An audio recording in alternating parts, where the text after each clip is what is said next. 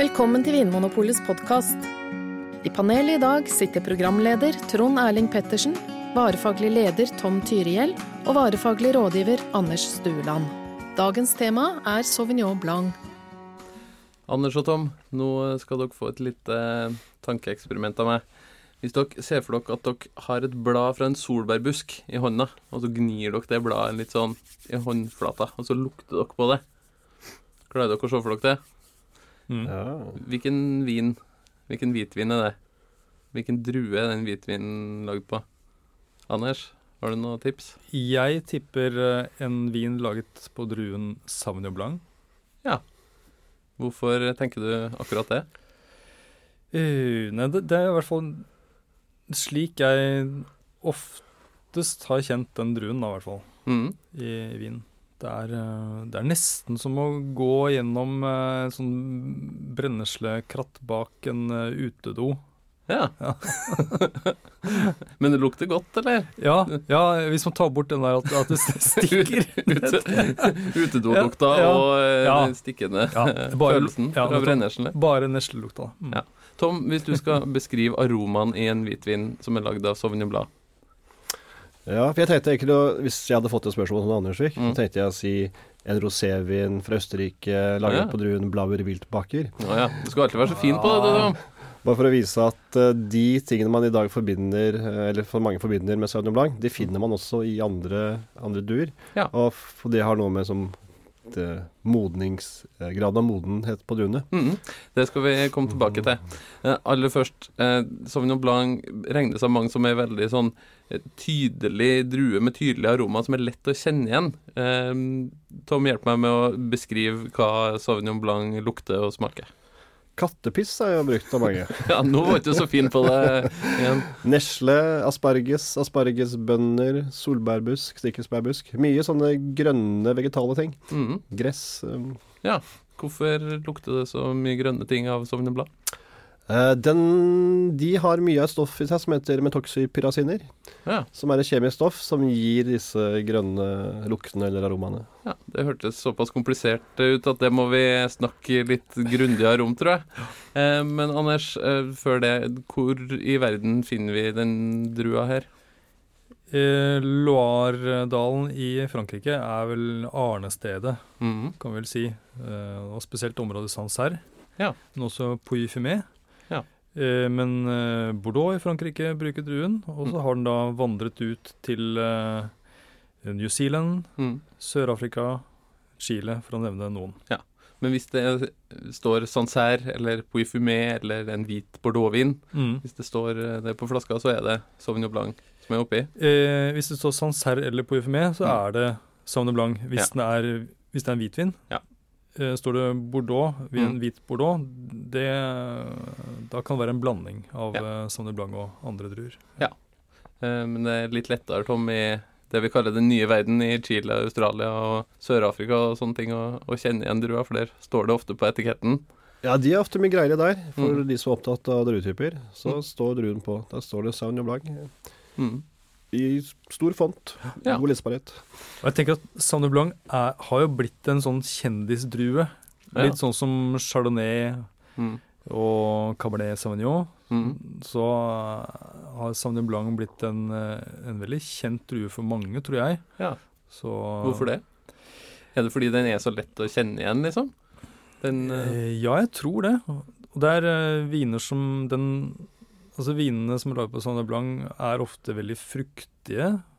eh, og eh, du kan da tenke at Chardonnay, da, som er en annen grønn drue som Mm. er veldig kjent, Mm. eh, brukes gjerne i viner som ikke har så tydelig fruktighet, Mm. og kanskje litt fatpreg og sånt Og Så da når da Sauvignon Blanc kom, mhm. eh, så var den representerte den noe annet enn Mhm. Chardonnay-druen, så den eh, Ja. tror det henger litt sammen med det også. Mhm.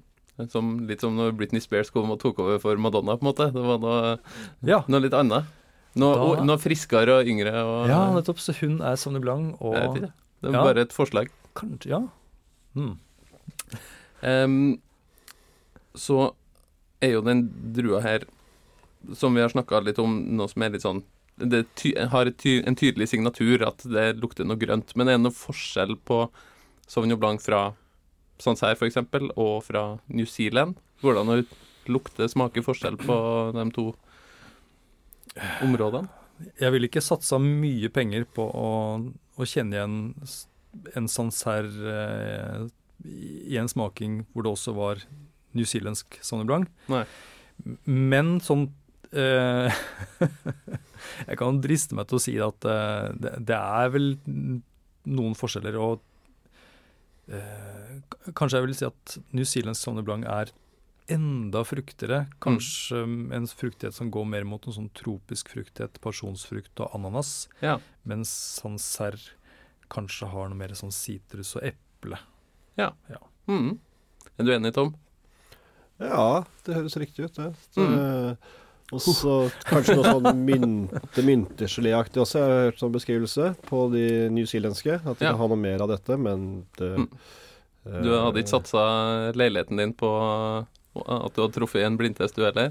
Nei, kanskje før. Ikke akkurat det, men da var det tydeligere den forskjellen. At ja. uh, det viste mer det kalde klimaet i Frankrike, Loardalen. At de var liksom mer eh, mm stikkelsbærbuskbladene. Mm. Mens i New Zealand så får det mer modne, gule stikkelsbærsmaken av dem. Så, så ja. det modne, forskjellen på modningen som vi snakket litt om i stad. Mm. Ja, da tar vi en ørliten pause, og så skal vi snakke litt mer om uh, kjemi.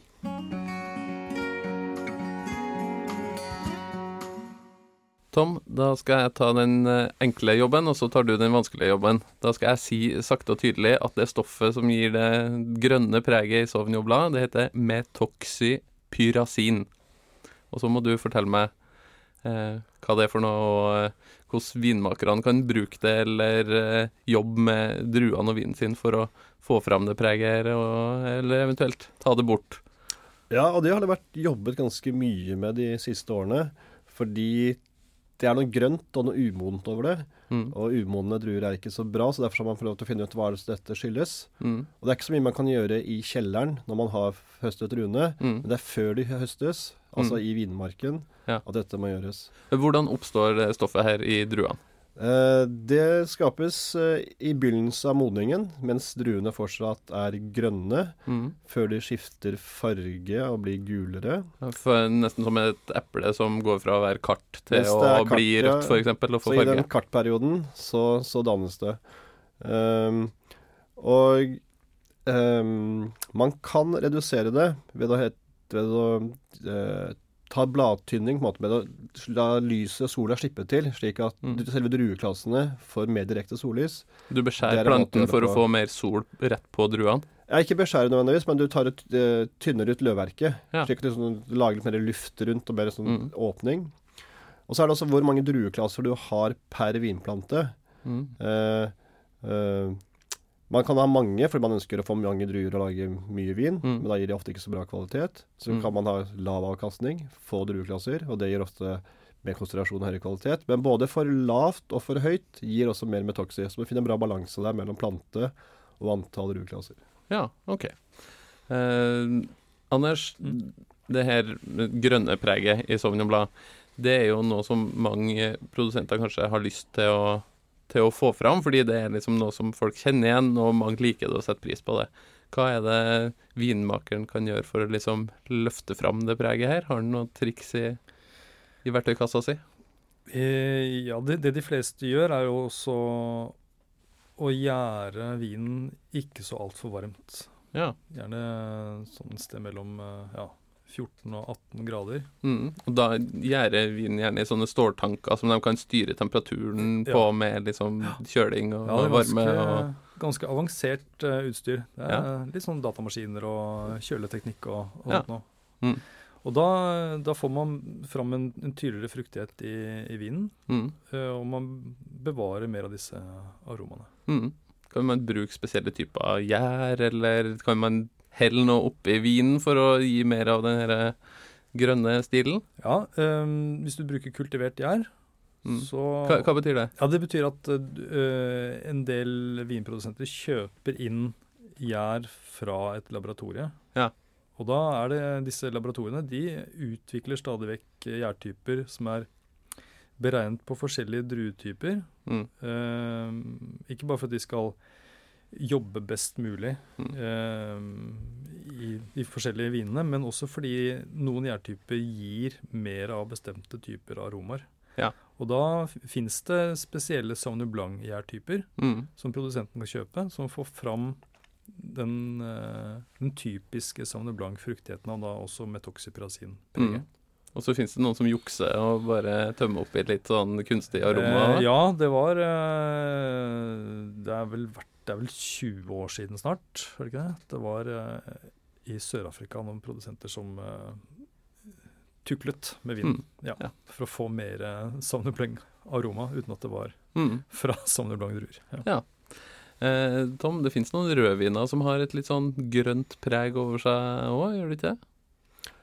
Det gjør det. Mm. Eh, og det er også igjen dette med modning. At Mm. du kan få det grønne preget i druer som ikke er modne nok. Mm. Og så er det også igjen noen druetyper som, er, som har nok mer anlegg for den andre. Mm. Sånn som Cabernet Sauvignon, f.eks., Ja. eksempel som brukes til å lage rød bordeaux. Ja. Er Cabernet Sauvignon og Sauvignon Blanc eh, i slekt, holdt jeg på å si? Er det to druer som har noe med hverandre å gjøre? Det er de. Jeg husker ikke helt familietreet der, men eh, de, de er i slekt. Mm. Er det så at det er Cabernet Franc og Sauvignon Blanc som er kanskje foreldrene til Cabernet Sauvignon? Ja, det tror jeg kan, ja. kan stemme. Så det, da er det kanskje metoxypyrazin som er inne i bildet på nå så jeg for meg forøvingssida. Det er morssiden. Morsiden.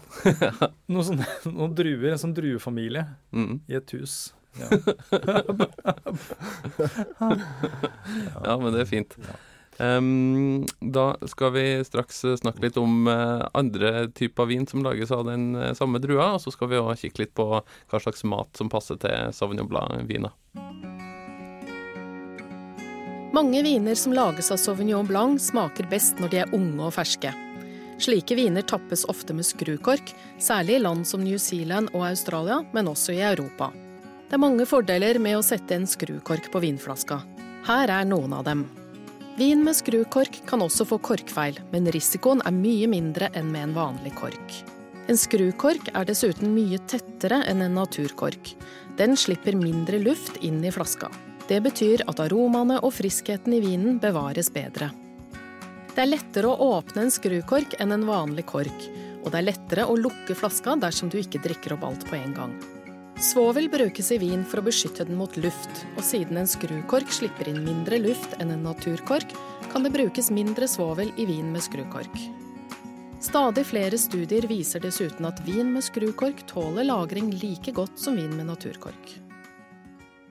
Anders, det finnes òg noen eh, Sauvignon Blanc-viner som ikke er så grønn og solbærbuskaktig eller eh, kattepissaktig, om du vil. Eh, hva, hvordan er det vinmakeren går fram for å, for å lage en uh, annerledes Sauvignon Blanc-vin? Eh, ja, det er flere måter. Og jeg tenker heldigvis så er det produsenter som lager vin på en annen måte enn den typiske Sauvignon Blanc-stilen. Jeg Mhm. syns nesten litt synd jeg på Sauvignon Blanc-drua, oh, ja. som alltid liksom presses inn i den der samme formen hele tiden. Det -hmm. der sånn derre eh, kattepissosende vin. Mm. Eh, nesten sånn en klisjé av og til. Mm. Um, Hvordan smaker en Sauvignon Blanc som ikke oser av kattepiss?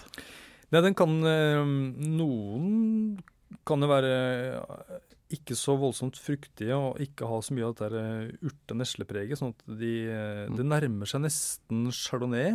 Ja. Ja. For det er, det er ei drue som gir mye syre i vinen, Sauvignon Blanc. ja, Det er ganske friske viner. det er de stort sett. Mm. Og så er- og så finnes det også noen som lager eh, vin med at de eh, enten gjærer på fat, eller at de lagrer vinen videre på fat. Så Mm. du, du kan få litt fatpreg. De kan eh, Som er dette liksom nesten vaniljesmørkrydderpreget. Mm. Mm. Og noen lagrer vin på bunnfall, altså døde gjærceller og sånt noe. Det skal altså berme. Mm.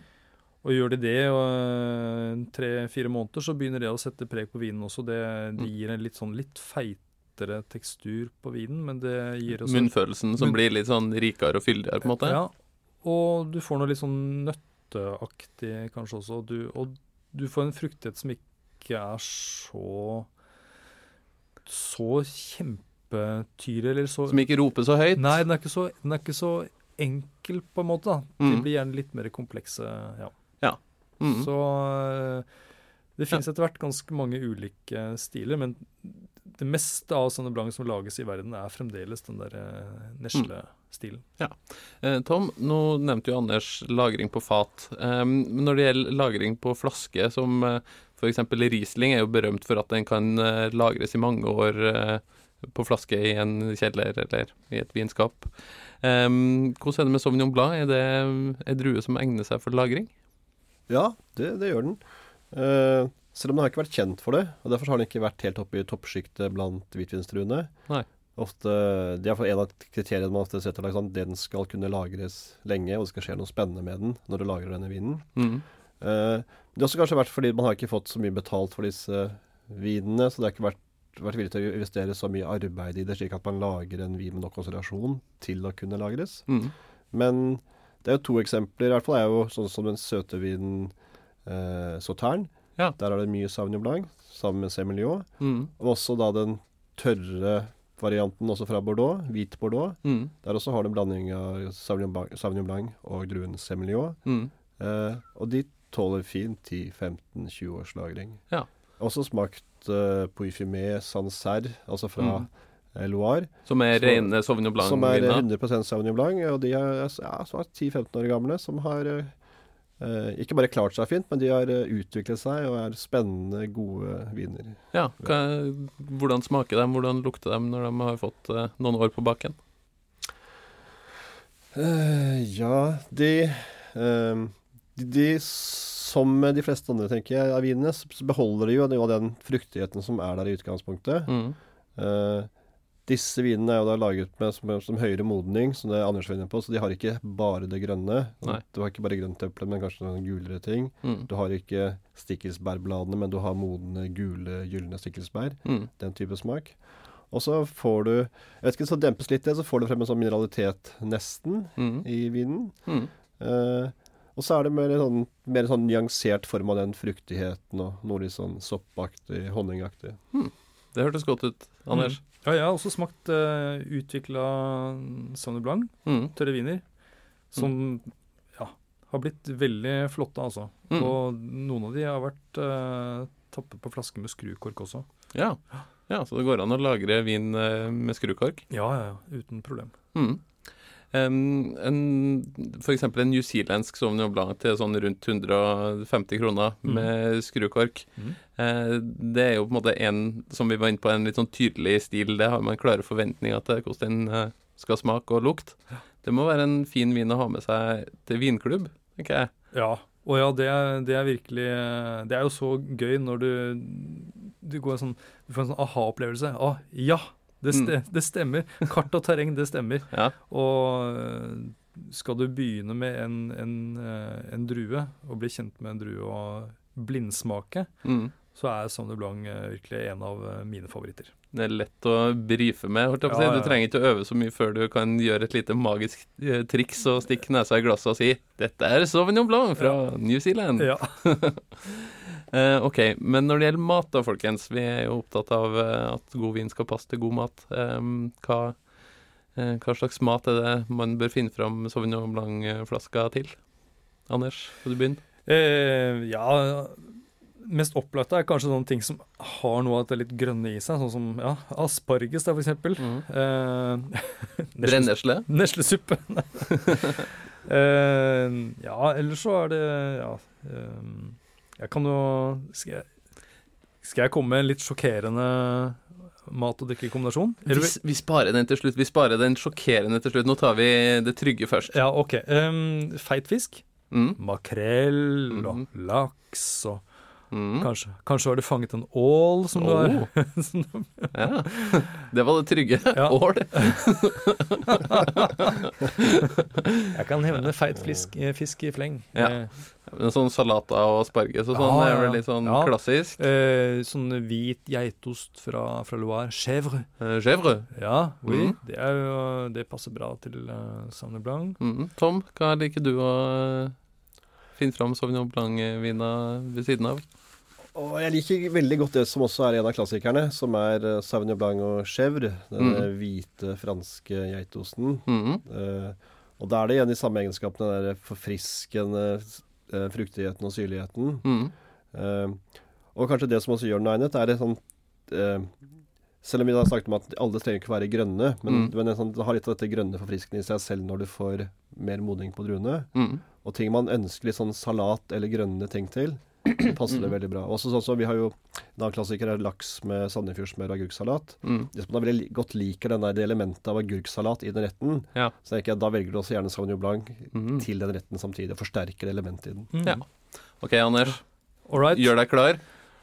Det sjokkerende mattipset. Nå, nå, er jeg spent. ja um, Til dere som hører på denne podkasten, vær så snill Pass på at barna har lagt seg nå. ja. Skru ned lyden lite grann. Dere må åpne opp sansene, og vær så snill å prøve entrecôte med hjemmelaget bearnés med en god Sauvignon Blanc til. Uh, en hvitvin, altså. Til, til til biffen. Ja. Ja. OK. Nå må du forklare deg nærmere, herr Stueland. Ja. Uh, eller i hvert fall fortell meg hva slags type Sauvignon Blanc skal jeg velge når jeg nå skal hjem og prøve biff med bearnés mm. og um, hvitvin? Ja, jeg tenker at eh, kanskje en uh, newzealandsk, eller kanskje en, eh, en Sauvignon Blanc som har fått et lite opphold på fat. Mm -hmm. mm. Fra, den kan være fra, både fra Frankrike, New Zealand, uh, Sør-Afrika eller Chile. Bare, ja. bare spør på, på Vimopolet, så ja. finner de en til deg. Må den være dyr, eller kan det være en sånn 140-50 kroners uh, variant? 150 kroner, det skal kunne holde. Ja. Og hvit bordeaux, kanskje, da. De, de er ofte på fat. Ja, ja, ja. men, men bare forklar hvorfor fungerer det? Jeg tenker jo instinktivt at biff, da skal vi ha rødvin. Ja, og det er det mange som sier. Mm. Men ehm, ja, for det første, ta det med kjøttet først. da, at mm. eh, Mange tenker at uh, oksekjøtt det, kommer, det, er jo kjøtt fra et veldig stort dyr, og da smaker kjøttet veldig mye også. Men mm. um, uh, vi to, hadde en test. Uh, alle, alle, butikkene våre hadde en prøving hvor de prøvde rå laks og rått oksekjøtt. Ja. Mm, og så skulle de vurdere hva var det som smakte mest. Mm. Og de fleste sa det at laks smaker mer enn oksekjøtt. Ja. ja. Så det er ikke noe grunn til å velge en vin som smaker mer fordi det er oksekjøtt. Nei, riktig. Og så er det da sausen. Ja. Bearnés. Og den er jo laget av masse smør. Mm. Ja. det er derfor det er godt. Ja. og um, eh, Holland, hollandes, for eksempel, da. Mm, ja, det jeg skulle ut og si. For det, det, er jo en litt sånn lys saus som minner om det man kan ha på laks og Nettopp. Og til laks så har man ofte hollandes, og da velger de fleste hvitvin til, ikke sant, uten mm. noe problem. Mm. En bearnés er jo egentlig en hollandes, bare at du har hatt oppi litt eh, estragon. Mm. Et, altså en urt. Mm. Ja. Så det er ikke noe hvor, er logikken? Det er ikke sånn at du plutselig må ha rødvin for det er estragon i, i hollandesen. håper jeg. Så det, det er, jeg tenker at det der urtepreget det funker veldig bra da, til et urtepreg i, i Sauvignon Blanc. Mm. Så ja. Eh, jeg håper at jeg har klart å overtale noen av dere der ute til å prøve dette her. La rødvin eh, bli stående i hylla og prøve en Sauvignon Blanc neste gang du skal biffe med bearnés. Om ikke annet så for å sjokkere venner og kjente. ja. ja, nei, men det er et godt tips.